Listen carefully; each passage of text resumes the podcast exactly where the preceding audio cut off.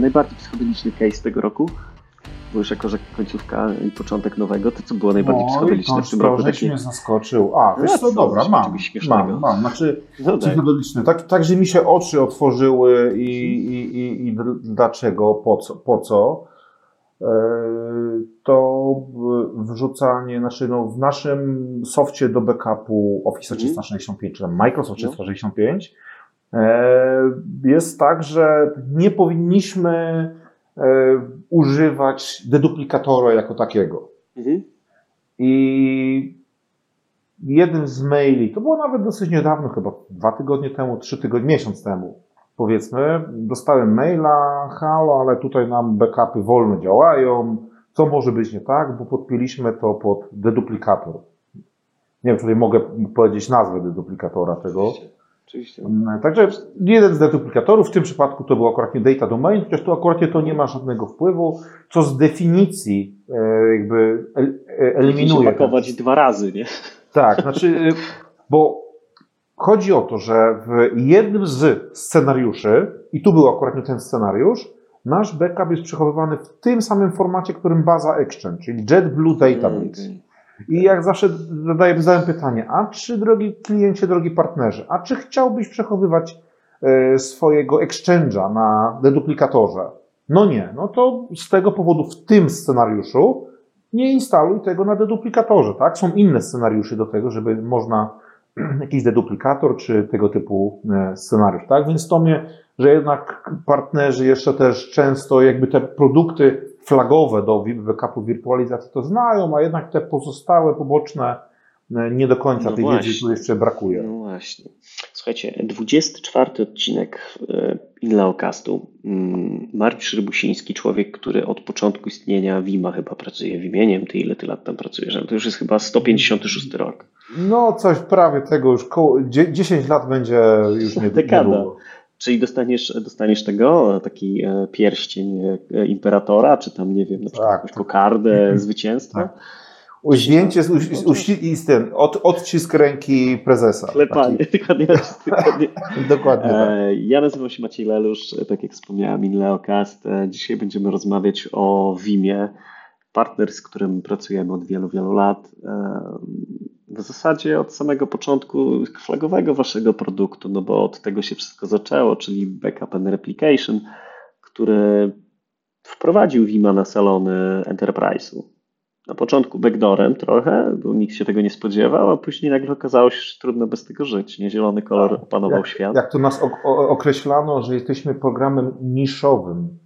Niszowy.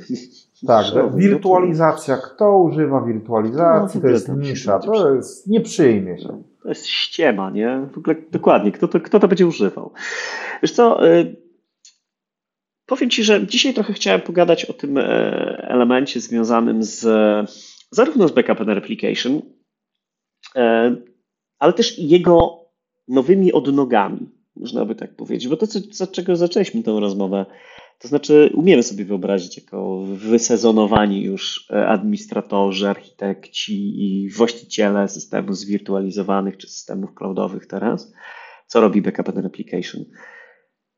On się ciągle rozwija, nie? To znaczy kiedyś O, to był tak. soft, który robił zwykłą małą backup albo replikację, nie? A teraz to jest taki, wiesz, szwajcarski scyzoryk trochę, nie? Tak, co się duży- pojawiło w tej duży, duży najnowszej wersji? No właśnie, Tak, co jest no w tej najnowszej wersji? W najnowszej wersji, to może co ma się pojawić, tak? Bo to na początku jeszcze lepiej. przyszłego, początkiem przyszłego roku e, ma się pojawić y, nowa wersja. Ja bym powiedział, wy, wykrył takich kilka obszarów, w którym będą ogólnie związane nowości. Jeden obszar to na pewno jest no, popularny przez ostatnie kilka lat. E, Wszyscy na to e, jakby cisną. My również tutaj nie jesteśmy nic bezpieczeństwa, tak? Czyli wszelkie na przykład, nie wiem, e, dodanie nowych me- metod e, MFA, tak? To dobijają się do konsoli, jakieś Kerberosy, y, dodatkowe jakieś zabezpieczenia związane z samym bezpieczeństwem e, samego produktu Ale sobie. backupów, czy właśnie samego produktu? Samego produktu też, samego w sobie, backupów też, tak? Ale główny nacisk, znaczy dużo feature'ów, na przykład, e, nie wiem, no wspomniane jakby e, MFA, tak? Możliwość wyciszania, rozmawiania z aplikacjami bez, z poświadczeniami, tak zwane jakby tutaj Microsoftowy Group Manage Service Account, tak? Że mamy konto, mhm. ale nie mamy do niego hasła, bo to na bieżąco kontroler domeny nam jakby tokeny y, generuje, więc nie mamy, nie mamy hasła, więc nawet jak ktoś przejmie moje poświadczenie, jakiś haker, no to nic z tym nie zrobi, tak? Bo, bo nie będzie miał tych poświadczeń, bo, bo ich nie ma, tak? E, czy też jakby kolejny obszar, to bym powiedział, że to jest jakby chmura, tak? Czyli y, jak to y, nasz menedżer powiedział, że chmura to będzie first class citizen. Czyli będzie można w każdym miejscu na wiele sposobów dodać, nie wiem, storage obiektowy, odtwarzać ze storage obiektowego bezpośrednio, tak? bo teraz jakby takie pewne e, pośrednie storage były wymagane. No i nowe technologie, tak? To, o których tutaj jakby wspomniałeś, tak? Mamy backupy do Kubernetesów, coraz popularniejsza technologia, tak? Konteneryzacja, e, czy też software as a service, tak? Czy od, już od chyba kilku lat mamy, już nie pamiętam od ilu, z pięciu lat mamy backup do Office'a 365. Mhm. E, no, czy te... Dokładnie, wiesz co, o tym mówimy, jako że jesteście partnerem naszym i wspieracie e, jakby całe nagrywanie Neocastów, mówimy w ogóle o tym jako message taki przez ostatnie kilkanaście odcinków. Jakbyś trochę się na tym skupił, na Office 365, bo, znaczy na Microsoftie, Microsoftie 365, przepraszam, tak, branding tak. w środku jest zawsze problematyczny. E, widzisz to, że klienci idą w taki setup multicloudowy, że mają powiedzmy swoją infrastrukturę czy on-premową, czy cloudową i dodatkowo M365? Czy to jest taki wiodący produkt na rynku, czy... Tak, coraz popularniejsze jest, dynamika jest y, znacząca, tak? Jak zaczynaliśmy tam z wersją pierwszą parę lat temu, to były jakieś takie pojedyncze przypadki klienci, którzy tak, może spróbujmy, no nie do końca jeszcze rozumieli po co nam jest backup, mhm. tak? Bo istotą tutaj, jeżeli mówimy e, o backupie do Microsoft 365, jest zrozumienie, po co on nam jest w ogóle potrzebny, tak? E, bo, bo jest takie przeświadczenie, że jeżeli ja już swoje dane, tak, wyślę do, do Microsoftu, to już Microsoft mi ogarnie wszystko, tak? Czy do dowolnego dostawcy chmury, tak? To już dostawca chmury. No przecież to... płacę te 10 euro, nie? No dokładnie no, tak. To taka są jest, grube hajsy. Nie? Taka jest, taka, natomiast to jest, to jest bardzo błędna e, e, jakby percepcja, tak? Bo powinno, powinno się jakby przejrzeć jakby e, w tak zwany EUL, tak? W dokumentacji jest prawie każdy dostawca chmury e, ma model współodpowiedzialności, tak? Gdzie, gdzie jasno jakby Microsoft w tym przypadku mówi, co jest, za co jest Microsoft odpowiedzialny, za co jest użytkownik odpowiedzialny, tak? Przykład, nie wiem, jeżeli weźmiemy sobie taką chmurę, nie wiem, mam wirtualkę w takiej lub innej chmurze, jeżeli e, z wszystkimi bez, bajerami bezpieczeństwa odhaczonymi, e, i jeżeli ja przyniosę ransomware do mojej wirtualki, tak, bo gdzieś kliknę jakiś link, ściągnę, mi się zaszyfruje wirtualka, no to oczywiście te georepliki po całym świecie się roz, e, rozniosą, to będę miał najlepiej na świecie zabezpieczone, bezużyteczne dane. Tak? I tak samo jest w przypadku Office 365. Microsoft zabezpiecza serwery, żeby do serwerowni się tam nie dostali, jakieś tam najnowsze update'y, patche, żeby ten exchange, ten Windows pod spodem, ta serwerownia fizyczna, żeby tam tego prądu nie brakło, klimatyzacji, za to dba. Natomiast e, kto zabezpiecza dostęp do portaloffice.com? Użytkownik. Jeżeli na żółtej karteczce sobie przyciągniemy login, hasło pod klawiaturę, tak, albo gdzieś do ekranu przyczepimy i wyjdziemy z biura, tak, bo już jest koniec tygodnia, e, wrócimy sobie do domu i, nie wiem, haker przebrany za sprzątaczkę sobie odczyta, to już ma jakiś tam potencjał, żeby zaatakować, tak? Więc tutaj mhm. Na pewno trzeba też y, y, dbać bo, o tego typu rzeczy. Bo w Wideokaście zawsze próbuję porozmawiać o tym, jak, e, jak use cases, dla kogo taki mhm. produkt jest przeznaczony, bo myślę, że to najlepiej otwiera nam głowę. Backup dla Office 365, czy to jest start od małej organizacji, czy też tylko to jest dla takiego e, hardkorowego enterprise'u? Jak, jak to pozycjonujecie? To jest dla każdego, ponieważ dla małych mamy też, jakby jak w każdym naszym produkcie, mamy wersję też bezpłatną, tak? One Community Edition, więc mamy w przypadku Office'a Microsoft 365. E, też się kręcę non-stop. Ja też powiem Ci. E, jest... E, więc mamy do 10 użytkowników bezpłatną wersję Community Edition. E, I jest też, mamy oczywiście komercyjne, gdzie tutaj już sky is the limit, tak? Mamy instalacje po, po 10 tysięcy użytkowników takiej, takich subskrypcji, więc to jest dla każdego. Natomiast jest tak, że to jest jedna konsola razem z tą konsolą na przykład do backup as a service, czy tam do backupu swojego data center, czy to jest oddzielny produkt kompletnie? Oddzielny produkt, ponieważ bardzo często są w ogóle inne zespoły. Inni okay. są klienci, którzy nie mają już, nie chcą mieć w ogóle nic wspólnego z wirtualiza wirtualizacją, wszystko mają e, as a service, tak, chmurze, więc sobie gdzieś e, również w chmurze e, wdrażają tego typu usługę i korzystają, tak? Bo, bo mówię, no, w pełnym zakresie Microsoft nie zabezpiecza e, takich, e, takich danych.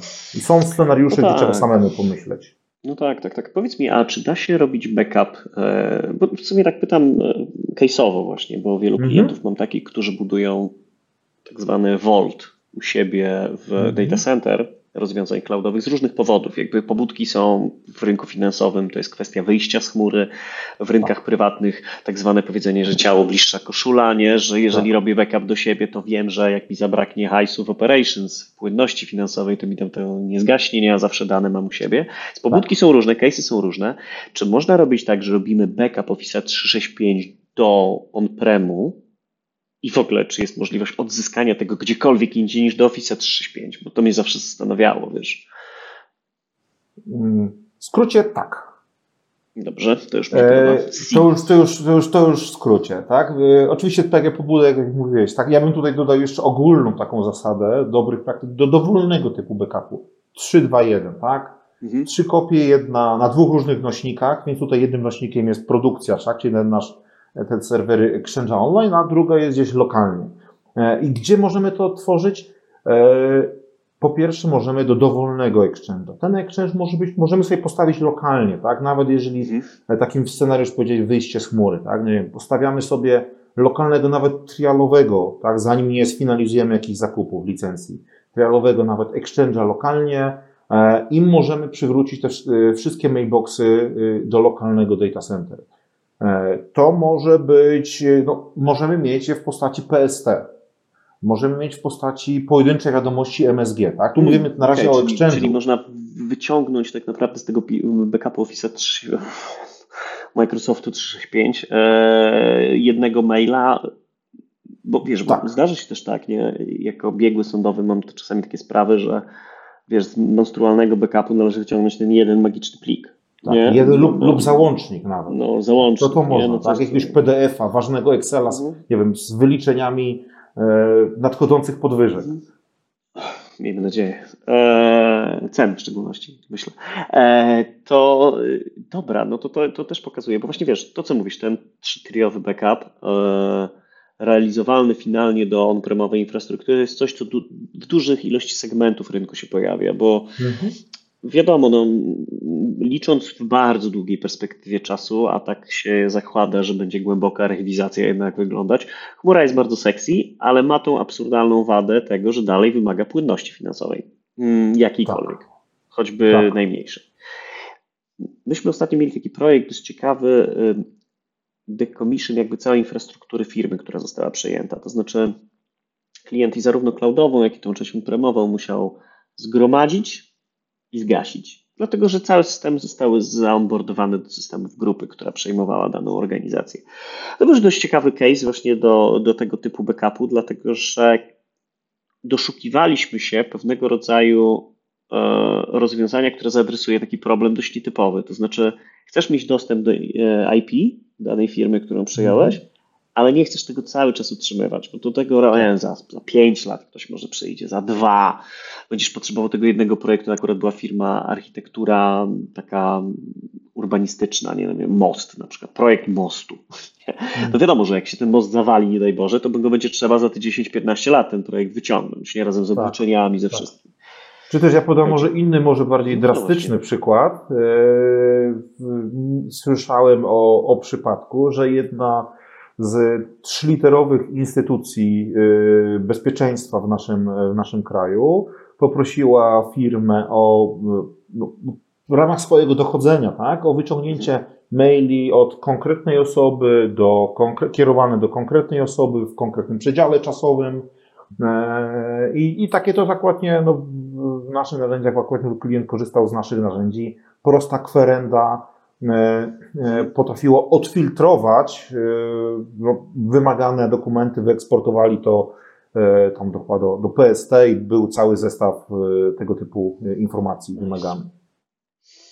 Spoko, wiesz co, no to jest e, produkt, który, znaczy my osobiście jakby też widzimy, że klienci idą w stronę takiego multiclouda narzędziowego, czyli rozwiązań sesowych pojawia się dość dużo, no bo jednak niewiele się już rodzi osób, które chcą w swoim życiu rozwijać karierę w obrębie exchange'a on-site, Mhm. Może tak. tak to umiera, jest to nie, niewielu takich y, fascynatów tej technologii i to pokazuje, że rynek idzie automatycznie w jakąś stronę. Tak samo, nie wiem, w Google Workspace, nie? Y, choć tego widzimy mniej zdecydowanie i też problem backupowania tego jest dość duży moim zdaniem, bo e, tam pojawiają się takie, no po prostu threshold, throttling, przepraszam, jest taki dość duży. Nie wiem, jak wy sobie, wy sobie w ogóle radzicie z e, Googlem gdziekolwiek? Y, na ten moment to jest poza naszym obszarem. Na razie, no skoro takim no dominującym jest, jest dominujący MC65, i tutaj bym powiedział, że nawet nie Exchange jest takim motorem napędowym mhm. tego typu usługi, tylko Teamsy, tak? Przez ostatnie, tak, od początku, jak się pandemia zaczęła, tak, gdzie wszyscy się uczyli na nowo, jak się pracuje z domu, niektórzy na nowo, niektórzy odkrywali w ogóle te możliwości, Tutaj według mnie Teamsy mocno nakręciły jakby użycie e, M365. No, no i to już wiadomo, jak już, jak już idziemy w Teamsy, no to już idziemy w Exchange'a, idziemy w OneDrive'a i te inne rzeczy, tak? I tutaj właśnie, właśnie, właśnie tak było. Teamsy też nie są łatwym elementem do, do, do backupu, tak? Bo, bo tutaj one są Jakbyś mnie zapytał, e, zapytaj mnie, gdzie Teamsy przechowują dane? Gdzie Teamsy przechowują dane, mój drogi? to nie ma jednoznacznej odpowiedzi jednego miejsca, gdzie Teamsy przechowują dane, ponieważ innym miejscu jest przechowywana wiadomość, jeżeli do mnie napiszę sobie na czacie wiadomość, tak, e, cześć, halo, jak tam e, wrażenia po, po ostatnim meczu na mistrzostwach, no to to będzie w Exchange'u przechowywane. Jeżeli mi wyślesz załącznik jakiegoś mema, e, jakiś dokument Excel ważny, to to już będzie w OneDrive, który jest w SharePointie. I jeszcze jest metadane, które to spinają, tak? Więc ta skomplikowaność powoduje, że nie jest jakby łatwym narzędziem do, do backupu. Teams nie są. Moim zdaniem też dochodzi taka kwestia e, gotowości pakietów. To znaczy, wiesz, e, M365 z swoimi plusami i minusami można go lubić lub nie lubić, jest dość komplementarny. To znaczy, tak jak ja widzę, dlaczego firmy przechodzą na to, to case'em jest to, że nie trzeba FTP w firmie do publikacji dokumentów dla kogoś tak. na zewnątrz i nie trzeba się żreć z działem IT, że, nie, że używamy Dropboxa do czegoś, nie? Tylko to jest jakieś tak. takie u, sformalizowane, wiesz, jest takie... I to też było dość dużym motorem. Widzę, że też te prywatność, powiedzmy, te pliki profesjonalne, ale prywatne. To znaczy, wiesz, zamiast posiadania ich na kompie, jak dotychczas było i gubienia laptopa, nie, wiesz, na imprezie rave'owej, nie, e, to, to, to teraz to nie ma znaczenia, bo go zgubisz, on jest zaszyfrowany, daj Boże, e, ale dane dalej są, bo one się synchronizują z OneDrive'em, nie, czyli de facto twój e, IP jest chronione, bo chronione w formie day-to-day -day operations, czyli codziennie jest to mamy ten, mamy ten problem z głowy. E, backup, jak rozumiem, dokłada tą część, że dobra, poza day, to day by day, to jeszcze dodatkowo w czasie dążącym do nieskończoności kwestia, ile masz albo hajsu, albo ifry, nie? E, tak, możesz te dane tak, zabezpieczać. Ale dodatkowo są jeszcze w przypadku backupu takie scenariusze, na przykład, no, gdzie bo Microsoft chroni przed mhm. cały zestaw, tu i teraz, tak? O, najnowsza wersja. Natomiast jeżeli okaże się, na przykład jeszcze bym tutaj dodał ten scenariusz, yy, zwalniany pracownik, tak? Jest no, fala zwolnień, teraz jakby no, gospodarka jest jaka jest i jest fala zwolnień w różnych, w różnych firmach, instytucjach i taki zwalniany pracownik, załóżmy, jeszcze ma dostęp, wie już, że, że będzie zwalniany no i usuwa jakiś ważny projekt, tak? Jakiś tego, to co wspomniałeś, tego mostu, tak? Jakiś projekt mostu go kasuje albo zaszyfruje, no i co mi teraz zrobicie, tak? E, amnezja. I, tak, i później okazuje się, że przełożeni zauważą to, nie wiem, po pół roku, gdyż żadne wbudowane narzędzia nie pomogą. Nie przywrócą jakichś danych takiego punktu w czasie sprzed pół roku, tak? Nie wiem, takiego projektu, który gdzieś tam sobie na OneDrive e, firmowym e, leży, czy też podatność naszych prywatnych urządzeń, tak? No bo jak jest, pracujemy z domu, często się zdarza, że pracujemy na prywatnych urządzeniach, tak? Z pry, prywatnej domowej sieci gdzie nasze domowe access pointy, routery nie są popaczowane, tak? Tam też mogą hakerzy się włamać i, i nasłuchiwać e, ruch, więc jak się łączymy do takiego OneDrive'a, Exchange'a, to mogą próbować przechwycić, tak? Więc to też, też ten e, dosyć istotne może być. No, hakery chytre. Chytre te hakery, mój drogi, są niezwykle. Ale dobra, mamy ten e, Microsoft 365. Ja jakby tak ciągle idę w stronę innych produktów. Sobie otworzyłem mhm. rozkoszną stronę po polsku, zresztą dostępną, co jest budujące niezwykle. No i mamy sobie. Backup do Salesforce'a pewnie. Nowy. Wiesz co, backup do, ja akurat osobiście z Salesforce'em jakoś niewiele mam do czynienia w swoim życiu i to on jest ciekawy, bo Salesforce jest monstrualny. To znaczy. No, według Salesforce'a są największym e, narzędziem, to oni to nazywają Sales Automation. Tak, jakby tych wiesz, e, odnóg wewnątrz tej aplikacji jest bardzo dużo. Wy robicie wszystkiego backup?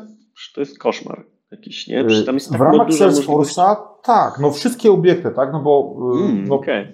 sami jesteśmy jednym też z większych użytkowników Salesforce'a wewnętrznie, więc to się niejako zaczęło od wewnętrznych potrzeb że ok, to nasz IT to zróbmy to, zróbmy, zabezpieczmy, a później no to czemu by nie pokazać tym, to, co, co zrobiliśmy innym, tak? I nie, więc zostało jakby to ulepione, jakby już e, sformalizowany konkretny produkt i e, no, większość rzeczy, które, wszystkie rzeczy, które, które można jakby w Salesforce sobie przechować, to też można w tym przypadku, tak? A też się zdarzają scenariusze, że, że jest jednak potrzeba to jednak backupować. Nie, no zdecydowanie, wiesz, no jednak Salesforce, jeżeli jest używany w tej pełnej krasie, no to on utrzymuje ogromną ilość e, ogromną wartość dla firmy. No, wyobraź sobie, że teraz musisz odbudować całą strukturę Salesforce'a dla Vima, nie? no to jakby to się miało wydarzyć, to by zajęło bite kilkanaście dobrych miesięcy bez backupu, nie?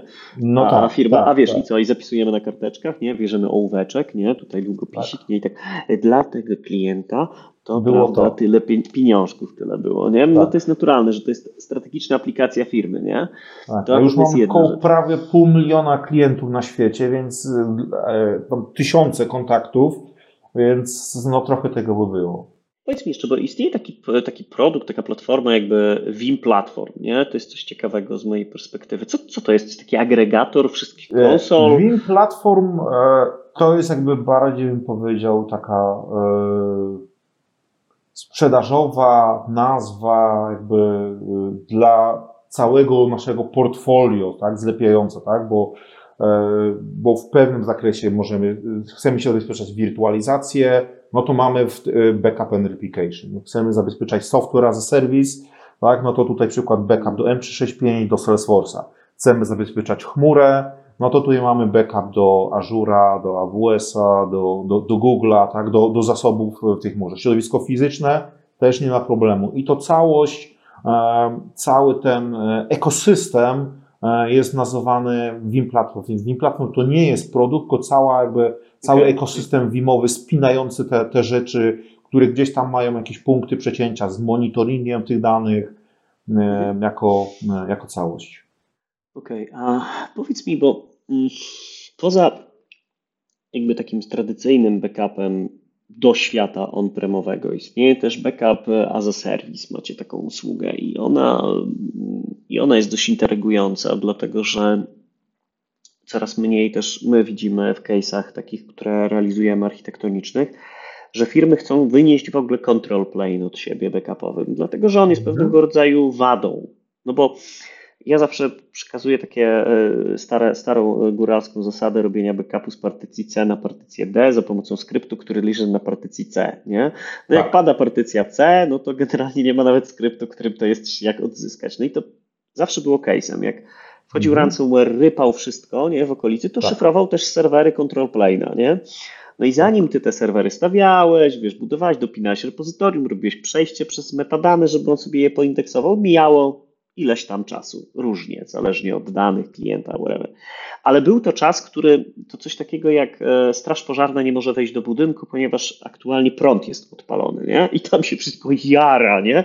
A ty siedzisz i czekasz, aż przyjedzie elektryk, wiesz, żeby przeciąć główny kabel, nie?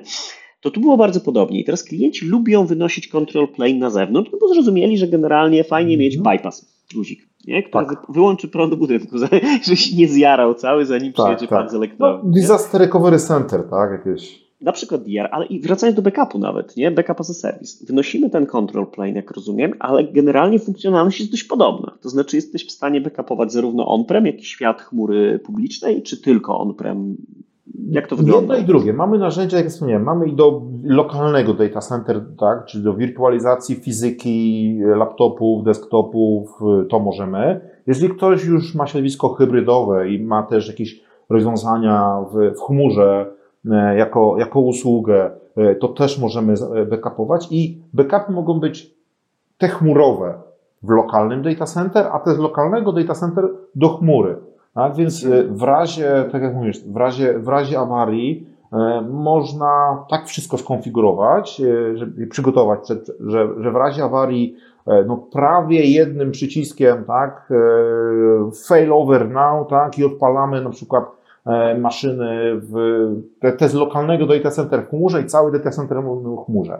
Albo jakiegoś zaufanego e, serwis providera, tak, i u niego podnosimy z backupów, tak, no to nie wiem, mi lokalne data center padło, bo spadł, nie wiem, meteoryt spadł na, na, na lokalne data center, więc podnoszę sobie tam, nie wiem, na drugim końcu Polski mam e, lokalnego, zaufanego, tak, z którym się dogadałem, jest ta usługa mm, backup, e, kiedyś mieliście taką usługę mm, Backup Connect, nie pamiętam. Backup Cloud Connect, to o tej właśnie usłudze mówię. Tak, tak. Tak, Backup A, Cloud Connect, uh-huh. czyli serwis providerzy oferują, bo Vim sam w sobie, my nie, za, nie dajemy storage'u, nie dajemy usługi okay. backup as a service, więc naszymi narzędziami właśnie za pomocą e, Vim hmm. Cloud Connect, to jest ta usługa, można zarobić zarówno backup, Vim Cloud Connect Backup, Vim Cloud Connect Replika, gdzie te dane mogą być właśnie do serwerowni data center, do, do mhm. service providera e, wyniesione, no i później tam też są ludzie, tak, którzy znają się,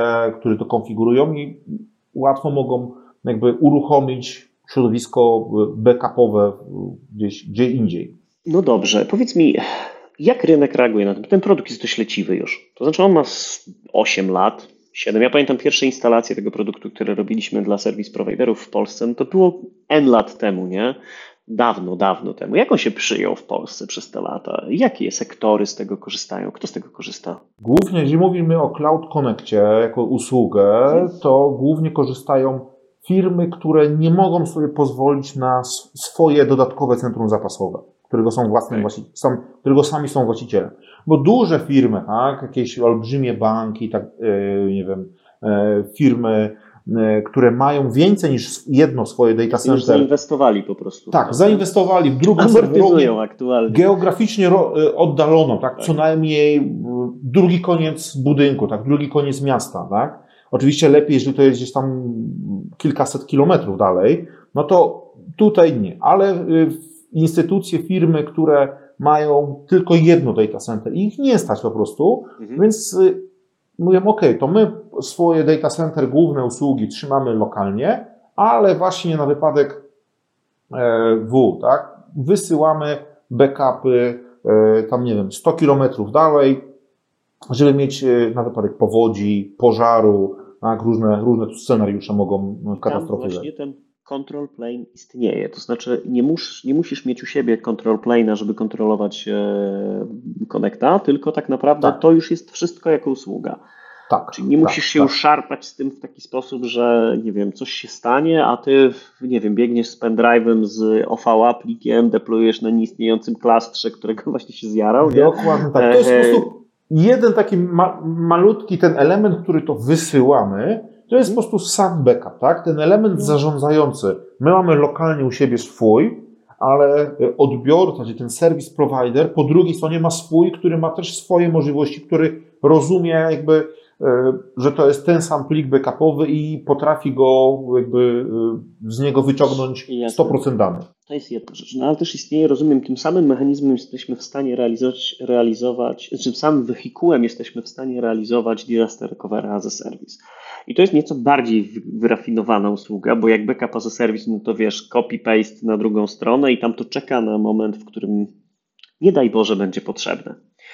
W Disaster Recovery as a Service sytuacja jest nieco bardziej skomplikowana, ponieważ uruchomienie tej infrastruktury po drugiej stronie musi zapewnić to, że dalej ktoś do niej się po pierwsze dostanie, e, a po drugie będzie w stanie, e, będzie to działać. Bo dość często, tak jeszcze trochę dopowiem o co mi chodzi, dość często widzimy teraz cross-cloud disaster recovery as a service. To znaczy, cross-cloud to na przykład to, że mamy w on-premie VMware'a, ale, ale robimy cross, crossa na przykład do AWS-a, ale nie na VMware'ze, tylko do czystego AWS-a, albo robimy do czystego Azure'a. I to jest na tyle problematyczne, że zmieniamy w maszynie wirtualnej tak zwany wirtualny hardware. Ja wiem, że to brzmi -hmm. trochę psychodelicznie, tak. nie? ale to jest coś takiego, tak jakbyśmy brali tą maszynę wirtualną, wyrywali jej płytę główną, nie? wyrzucali do śmietnika i wkładali nową płytę główną, nie? która tak. potrzebuje nowych driverów. E, I ja, czy Vim właśnie taką funkcję realizuje, że wymienia ten backend maszyny wirtualnej i pozwala uruchomić się w innej chmurze? Czy to tak naprawdę jest chmura hmm, hybrydowa, w której tu jest VMware i tu jest VMware, bo tu jest Hyper-V i tu jest Hyper-V? Jak wy to robicie? Czy tam jest jakiś, jakiś taki e, coś? Oczywiście odpowiedź jest typowo standardowa branżowa. To zależy. To zależy. To zależy tak. Warto rozmawiać. E, tak, e, więc jeżeli mówimy o backupach, bo rozdzielmy teraz dwie rzeczy, backupy i replikacje. Backupy to jest jakby, mamy stan, który jest jakby offline'owo sobie leży, stan maszyny naszego systemu danych sobie leży na, na dysku i czeka na awarię. Replikacje, gdzie mamy jeden do jeden wirtualkę z, nie wiem, z jednego data center do drugiego. Jeżeli mówimy o backupach, to mamy taką możliwość, żeby backup z dowolnym zrobionym produktem Vimem, tak? Czyli to może być backup VMware'a, Hyper-V, mhm. e, e, Nutanixa, maszyny fizycznej Windowsa, Linuxa, e, czy też wirtualek w chmurze, tak? AWS-a, Azure'a, Google'a. Możemy go, takie backupy, mhm. odtworzyć do mhm. dowolnej z tej technologii i my robimy tą podmianę, to co mówiłeś, wyrywajmy tą płytę główną, e, płytę główną i podmieniamy, tak? Więc możemy zrobić na przykład, nie wiem, mamy wirtualkę w AWS-ie, tak jakąś tam EC2 i no, no. odtwarzamy ją do lokalnego VMware'a. Okay. Albo... Czyli możemy taki cloud onboarding wykonać w jedną lub w tak. drugą stronę. Tak, tak. I pomiędzy chmurami również. Mhm. Tak? Okay. I to też, więc to, to jest jeżeli backupy. Jeżeli mówimy o replikach, to tutaj musimy jednak jakby na ten moment myślimy o tym, pracujemy, więc to się może w przyszłości zmienić, ale na ten moment e, na tym, żeby jakby zostać w ramach tego samego hypervisora. Okay, czyli robicie hybrydę, a nie multi-cloud. Czyli w, hybrydyzo- w zhybrydyzowanym środowisku, które ma e, jakby ten technologicznie spójne działacie z replikacją. Tak. Natomiast w multi-cloudzie, czyli w różnych środowiskach, różnych platformach działacie przy backupie, tak to można tak, sobie tak. podsumować. Bo różnica no, tu jeszcze jest z punktu widzenia odtwarzania, podnoszenia się po awarii, to w replice to jest tak naprawdę power on i mamy, i się nam uruchamia, to są pojedyncze sekundy. W przypadku backupu musimy jeszcze zrobić właśnie tą konwersję, no jasne. E, I to, to wymaga no, czasami, nie wiem, 5 minut, 10 minut, na, e, więc to nie jest jakby live. Dobra, ale wracając na chwilę jeszcze do Disaster Recovery as a Service, nie? to to jest realizowane przy użyciu backupu czy przy użyciu replikacji? Może być i tak, i tak. Czyli okay. możemy robić Disaster Recovery na podstawie tak backupu. No bo jak nie wiemy, nie wiemy jaka, jaką będziemy mieli awarię, tak? Może się zdarzyć, że że mamy tylko backupy dostępne. Może się zdarzyć, że mamy e, repliki, tak? Więc im więcej mamy, tym wiadomo nam jest lepiej różne scenariusze, ale jeżeli mamy tylko backupy, więc możemy disaster recovery podnieść, mamy też cały produkt Vim Disaster Recovery Orchestrator, tak? który właśnie, właśnie e, do tego został jakby zaprojektowany, tak? Czyli mamy dwa data center i w tym zapasowym data center na wypadek awarii pierwszego, że nie wiem, spłonie nam data center, no to podnosimy i tak. Jeżeli mamy repliki, no to lepiej podnosimy z replik. Jeżeli nie mamy replik, ale mamy backupy, proszę bardzo, luz, podnosimy z backupów i wrzucamy czasu, między sobą. E, jak tak. sobie zdefiniujesz ten czas, który chcesz e, wrócić do działania? Nie? E, no dobrze, a jak realizuje się w takim, no bo każdy, każda infrastruktura informatyczna, która działa w jakiejkolwiek platformie, wymaga sieci. Nie? Tak. I przy przeniesieniu tego, przy replatformingu, powiedzmy tego na inną jakby strukturę na inną platformę, musimy dokonać zmiany sieci. Tak. Jakiegoś. Zazwyczaj aplikacje z tego, co się nauczyłem przez te 15 czy tam 16 lat doświadczenia w moim życiu, nie lubią, jak się im zmienia sieć bardzo. Yy, przynajmniej te powiedzmy legacy, jak się pięknie to tak. nazywa w dzisiejszych czasach. Nie, te niespecjalnie lubią zmiany DNS-ów, zmiany adresacji IP. Niektóre nawet na tyle tego nie lubią, że mają to wpisane w, że tak powiem, życiorys już w kodzie, nie, ten adres IP. To jest tak, że wy zapewniacie jakiś backend sieciowy do tego, żeby tą operację przeprowadzić, czy on już musi być przygotowany po drugiej stronie, żeby klient miał sukces, nie? Jest kilka opcji. Pierwsza opcja, tak jak powiedziałeś, w zależności od tej aplikacji, na ile sobie możemy pozwolić.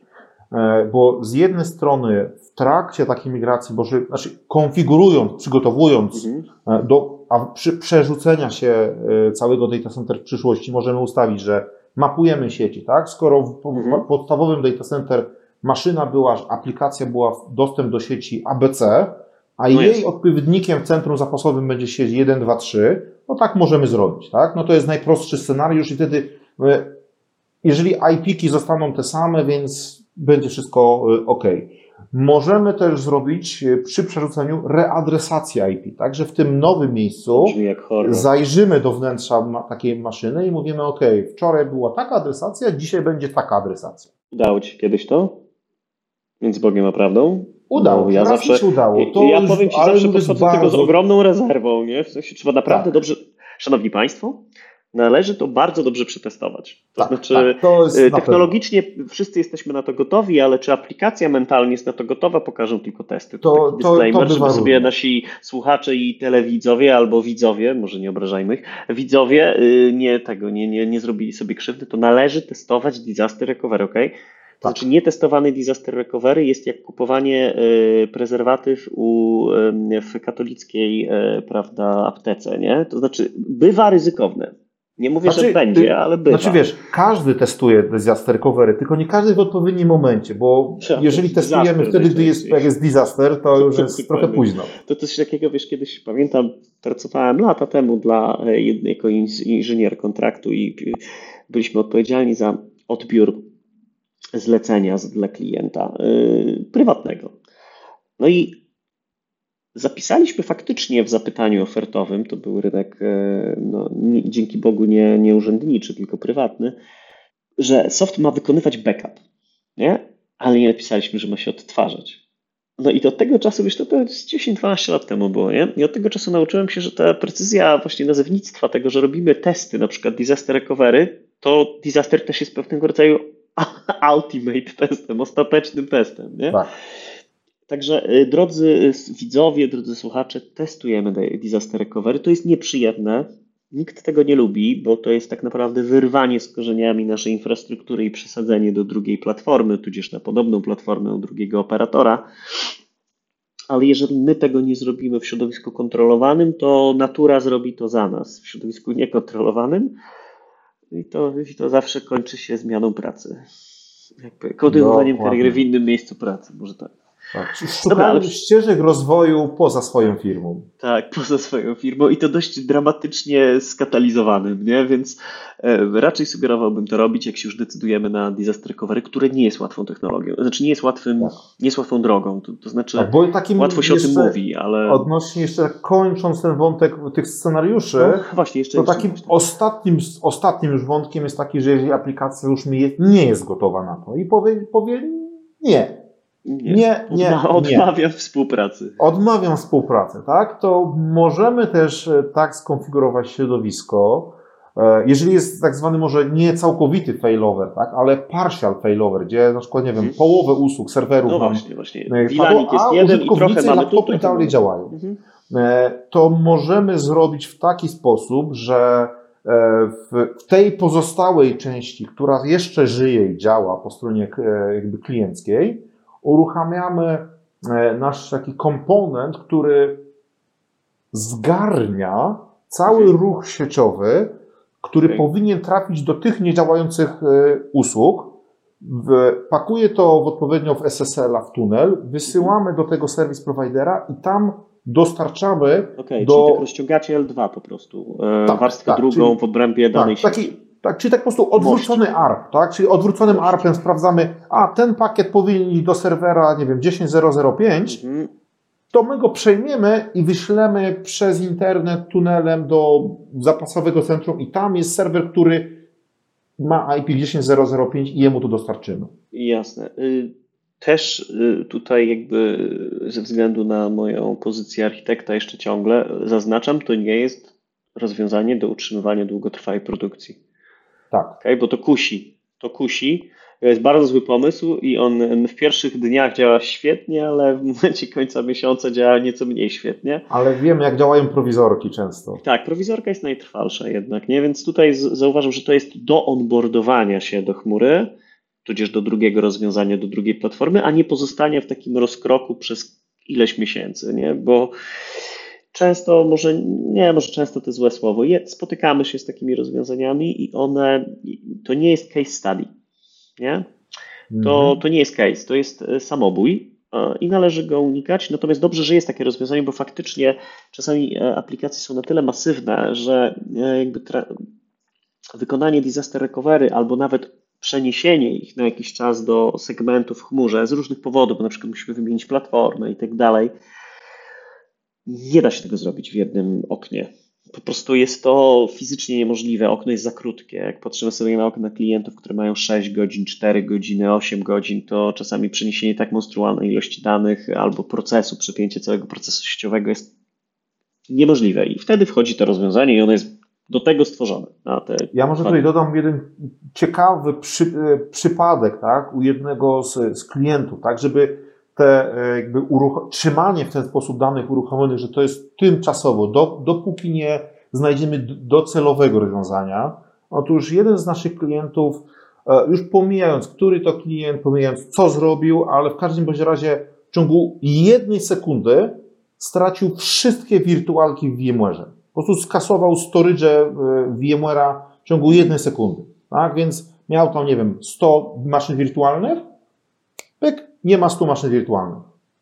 Tak? Więc uruchomię. I teraz e, tam... jeszcze, przepraszam, że ci wejdę w słowo, bo ważne jest to, żeby nasi e, tutaj odbiorcy nie myśleli sobie, że był kretynem. Ja wam powiem, jak to można zrobić, nie będąc kretynem. Wystarczy podpiąć nową macierzewce i wybrać nie ten e, WWN, WWN, który ma 76 znaków, czy tam 48 znaków. Tak.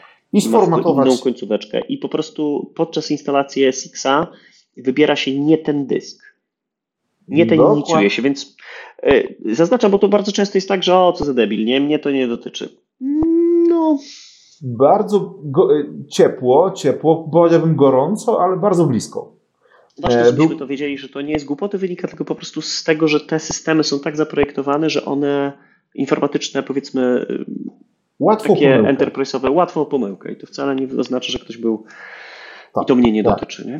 Yy, I, I sytuacja była taka, że jakby no, tymczasowo to jest tam paręnaście terabajtów danych było uruchomione e, w jakby zapasowym środowisku i one mhm. działały, tak? I już teoretycznie można powiedzieć, a fajnie, no to to już może niech zostanie na zawsze. Natomiast problem był taki, że na tym zapasowym centrum ilość miejsca była znacznie mniejsza, bo to jest centrum zapasowe. E, więc y, wyliczyliśmy tam nawet, że ilość miejsca obywała z prędkością 100 GB na dobę, a mieli pół terabajta wolnego. Więc wiedzieliśmy 5 dni, w ciągu 5 dni muszą docelowo znaleźć docelowe miejsce, żeby znowu te kilka terabajtów przerzucić na docelowe miejsce. Tak? Więc pamiętajmy, że, że, że no jednak sprawdzać y, takie rzeczy właśnie jak ilość wolnego miejsca, bo może się okazać, czy właśnie sieci wspomniane wcześniej, może się okazać, że po takiej awarii e, wszystko nam działa, ale po jednym, dwóch dniach może nam zapasowy też przestać działać. Właśnie wiesz co, e, ja myślę, że też o tym trzeba mówić, bo bardzo często e, środowiska zapasowe albo infrastruktury backupowe traktuje się po macoszemu. I nie ma w tym nic dziwnego, bo to środowisko używane raz na ruski rok. Nie? To znaczy, daj Boże, no bo okazuje się, że robisz dwa razy w roku testy, nie? jeżeli robisz, mhm. nie? No najczęściej się no nie robi super, testów. Dwa razy w roku to już, to już super. wiesz, to już petarda, nie? Daj Boże raz w roku, a najczęściej to w ogóle raz na jakiś czas, tak zwany. Więc de facto to środowisko używasz przez chwilę, nie? I ono, nie, i ono zdaje się, że nie musi być tej samej pojemności. Mi się wydaje, że to jest błąd architektoniczny, yy, wynikający z naszej naturalnej oszczędności. No bo faktycznie, jakby z perspektywy takiej gospodarskiej, że tak powiem, nie ma to sensu. Posiadanie drugiego pola takiej samej wielkości, nie? Po to, żeby jak z tym się coś stanie, to na drugim wyżyć. Ale zakładamy, według mnie jako, jako architekta, że awaria będzie, po to się na to przygotowujemy, że awaria będzie długo trwała, jak się zdarzy. Znaczy wyobraź sobie, płonie budynek.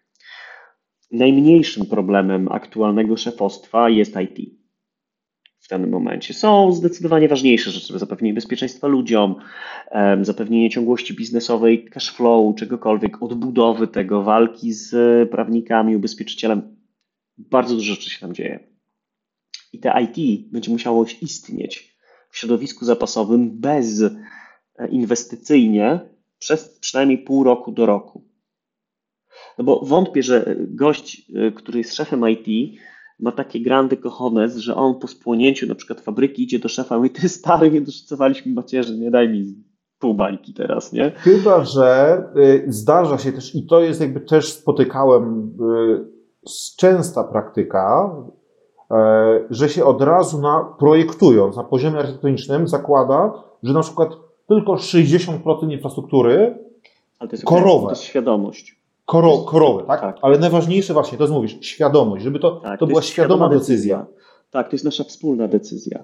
Biznesu Tak, i IT, nasza wspólna decyzja. Bo bardzo często IT podejmuje tę decyzję bez rozmowy z biznesem i wtedy się robi niesmacznie, nie? To tak. Tak, na przykład zauważyłem. portal do, do, nie wiem, do requestowania urlopów. To może jakaś będzie awaria, może nam się nie będzie pierwszej konieczności. Ten proces można przenieść w ołówek z powrotem, Tak, nie? tak, ale zaopatrzenie właśnie fabryki, tak, czyli system wspierający fabrykę, to już No właśnie, jakiś... e, powiem Ci, że z tymi fabrykami jest bardzo ciekawa rozmowa, bo my projektując disaster recovery dla fa- do, do fabryk, bardzo często systemy, które działają w fabryce nie disaster recoverujemy, no bo zakładamy, że one się zepsuły razem z fabryką, to raczej nie jest potrzebna kontrola linii produkcyjnej, gdy ona e, płonie właśnie, nie? Więc to też ważne jest, żeby popatrzeć na to przez pryzmat tego, dość przerażająco to zabrzmi, ale kryteriów sukcesu awarii, nie?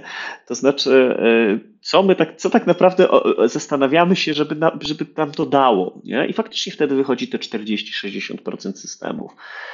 Ja kiedyś miałem taką rozmowę z jedną instytucją publiczną i bardzo fajnie tam, ja się wtedy z tym nie zgodziłem i się pomyliłem. Em, Pamiętam, że dyrektor e, tej instytucji, jakby nad IT stojący, powiedział, że IT ma funkcję wspierającą. Wiesz, wszystko było w IT. Mhm. Nie, po prostu nie działał Exchange, na przykład wspomniany dzisiaj, no cała instytucja stała. Ale on miał rację wbrew pozorom, bo w gruncie rzeczy, jeżeli by spłonął ten to 100 IT, to wyciągnięto by te maszyny do pisania, wiesz, te procedury istnieją w papierze. Mhm. I oczywiście te główne, nikt nie chce po, powracać do tamtego czasu, nie? tej przeszłości, którą już szczęśliwie zapomnieliśmy. Tym niemniej one istnieją i warto myśląc o disaster recovery as a service, w ogóle a za coś tam, disaster recovery, Mhm.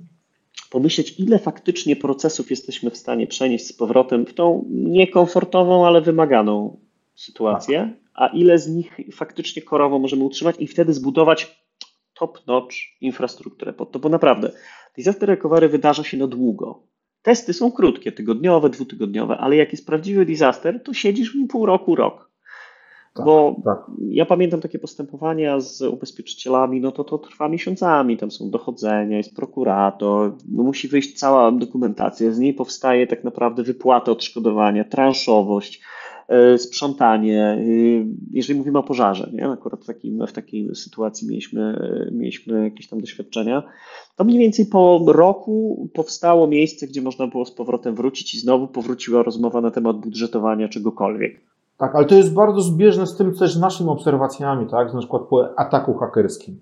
Policja jakby e, rekwiruje, blokuje sprzęt, tak, plomby, e, bo to jest e, komponent jakby dochodzenia, muszą sprawdzić, czy jakichś tam śladów nie ma, ale też jeszcze wracając do tego, tych, tych procentów, tak, byłem swego czasu na takiej jakby wycieczce w jednym z data center, no jednej z tych globalnych dostawców chmury, tak, tych takich e, z tej wielkiej, z wielkiej trójcy. E, i może nie było to takie największe data center, tak, takie trochę mniejsze.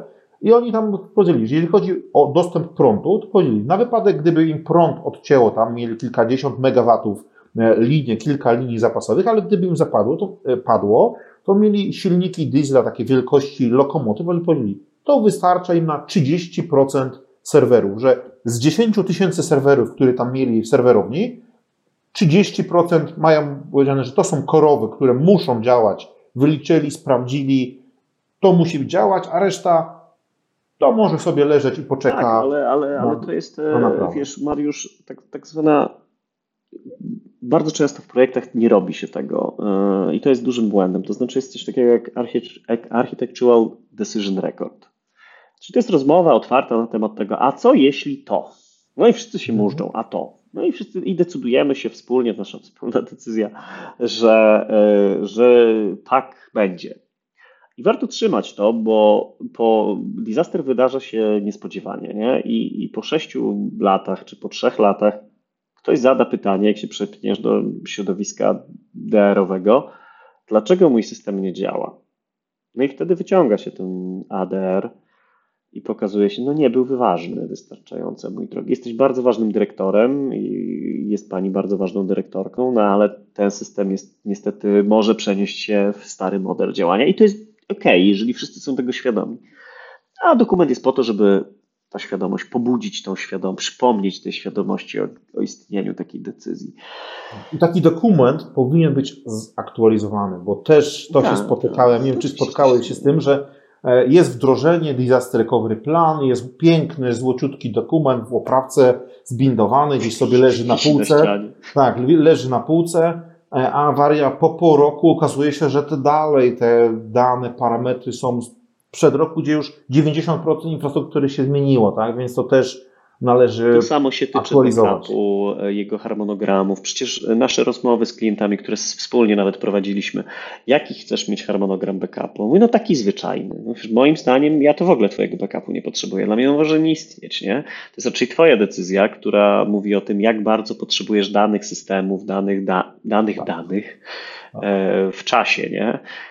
I, I, ja myślę, że właśnie fajnie, że ta nasza rozmowa dotarła od rozwiązań technologicznych przez case'y do pewnego rodzaju refleksji społecznej, polegającej na tym, że jeżeli wydajesz na coś bardzo dużo pieniędzy, no bo jakby nie patrzeć, rozwiązania software'owe, hardware'owe w IT to są raczej niemałe pieniądze, mhm. to warto by przeżyć taką rozmowę z samym sobą jako organizacja, po co to robisz bo decyzja jedną albo drugą stronę jest, kosztuje bardzo dużo pieniędzy, energii, czegokolwiek, a wcale nie musi adresować tego, co potrzebujesz. Mi się wydaje, że wiele firm disaster recovery nie potrzebuje. Wiele firm potrzebuje świetnego backupu i bardzo dobrego ubezpieczenia. Tak. E, ale niektóre firmy po prostu po takiej rachunku sumienia wewnętrznym dochodzą do wniosku, nie, ja potrzebuję tego, to jest, to jest mega ważne, bo moi ludzie mogą się przenieść do zdalnej pracy i na przykład wszystkie systemy, które mam, mogą działać dalej. Nie? Jakby ten data center, który zbudowałem 10 lat temu i ciągle je amortyzuję i teraz jest dla mnie opłacalne, w gruncie rzeczy nie jest mi w ogóle potrzebne. Tak. I tu ja może dodam, może to kontrowersyjnie zabrzmi, ale to, o czym mówisz, nie powinni tego planować ludzie z IT.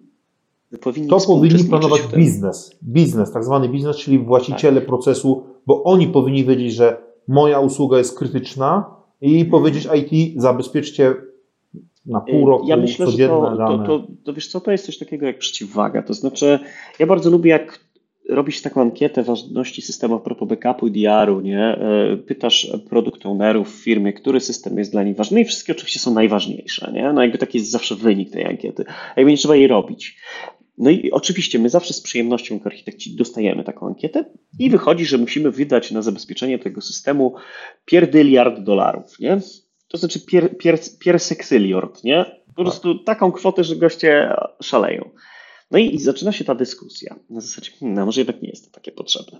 I to jest właśnie ta dyskusja, którą trzeba wykonać. Tak. Czyli z jednej strony przedstawiasz dane, znaczy pytasz o potrzebę, otrzymujesz informację, że jest najważniejszym, szanujesz to kompletnie, Natomiast przedstawiasz relatywnie w danych wyrażonych w polskich złotych albo w euro odpowiedź na zaadresowaną potrzebę. No i okazuje się, że no tak jakby już chromowany samochód nie jest potrzebny, nie? że jednak tak. taki Dacia Sandero też jest zajebista, nie? bo jeździ do przodu. I to też jest super. I nie musimy miliona, wagona monet. Yy... Wagona hajsu na to wyrzucić, ale to jest świadoma decyzja. I ja myślę, że właśnie jeżeli mówimy o rozwiązaniach business continuity, w których Vim od wielu, wielu lat e, istnieje, jest liderem w jednych kwadratach, jest challengerem w innych, jakby buduje tą swoją pozycję, to nieważne, jakie rozwiązanie technologiczne wybierzemy, najważniejsza jest właśnie ta wewnętrzna, ta wewnętrzna rozmowa, w której fajnie jak vendor jest e, na miejscu i architekt, dlatego że no, trzeba przedstawić po prostu argument, nie? Powiedzieć, hej, mhm. to tyle kosztuje. Aha, to może nie potrzebujesz jednak dwóch godzin nie, na odzyskanie danych, tylko wystarczy naprawdę 12, 16, 24 nigdy wypłaty tych wszystkich ludzi nie zbiorą ci się ani ta sprzedaż na te 6 milionów, które wydasz na soft i sprzęt. Nie? Może być jednak ciut, ciut, ciut dłużej poczekać. Ciut dłużej, albo może ciut krócej, bo okazuje się, że jednak tam, wiesz, leci hajs, jak woda płynie warskim strumieniem, przerwanie tego po prostu realizuje ogromną stratę. W zależności od typu organizacji, no nie, na przykład jeżeli taka lotnisko, tak, gdzie samolot jest w powietrzu i czeka na wylądowanie i system nie działa, to wiadomo, tu musi być tu i tak. teraz. Ale jeżeli ktoś to dzwoni jest... na 112 nie, i chciałby, żeby po drugiej stronie można tak. było wykonać zlecenie, nie, no to jakby to są systemy oczywiście bezwarunkowe, nie, ale są naprawdę systemy, ja zawsze wracam do mojego ulubionego przykładu e, fabryki produkującej gwoździe. Nie. Naprawdę, jeżeli ona się zatrzyma na te dwie godziny, to łatwo policzyć, jaka jest strata. Ja akurat materiał typu gwoździe nie wymaga nie wymaga tak jak mięso na przykład, nie, nie wymaga tego, żeby ciągłość produkcji była zapewniona, bo trzeba wyrzucić wszystko z fabryki nie? i dezynfekować i to bardzo dużo kosztuje. Nie? No, na przykład jak jesteś fabryką produkującą gwoździe, to jak się zatrzymasz na dwie godziny, koszty są takie, no to wtedy warto sobie policzyć, czy system utrzymania przeniesiony do chmury e, w koszcie, nie wiem, iluś tam set tysięcy ma sens. Tak. No, może Nawet tydzień taka fabryka, przypuszczam, że nic by się nie stało. Raczej nie byłoby takiego, nie byłoby takiej tragedii, nie? ale z drugiej strony na przykład systemy Salesforce tej firmy, to jest zupełnie co innego, bo one są niezależne od produkcji. Dlatego wielopoziomowość tej rozmowy jest mega ważna i no i do tego dobieramy rozwiązania, tak jak dzisiaj porozmawialiśmy o mhm. rozwiązaniach Vima, jest ich sporo i są na różne właśnie aspekty, bo okazuje się, że narzędziowa e, jest wtórna, ale ważne, żeby była dostępna. Bardzo dziękuję Ci bardzo. Fajna rozmowa. Trochę popatrzyliśmy na tego Wima z innej perspektywy niż zwykle, że tylko backup i replikacja, ale też e, jak on adresuje zagadnienia biznesowe i daje wartość dla biznesu. A myślę, że to jest mega ważne. E, także dziękuję Ci ślicznie. No i zapraszamy na kolejny Inlocast w niedalekiej przyszłości. Macie ile ludzi? Trzymajcie się. Dzięki. Cześć.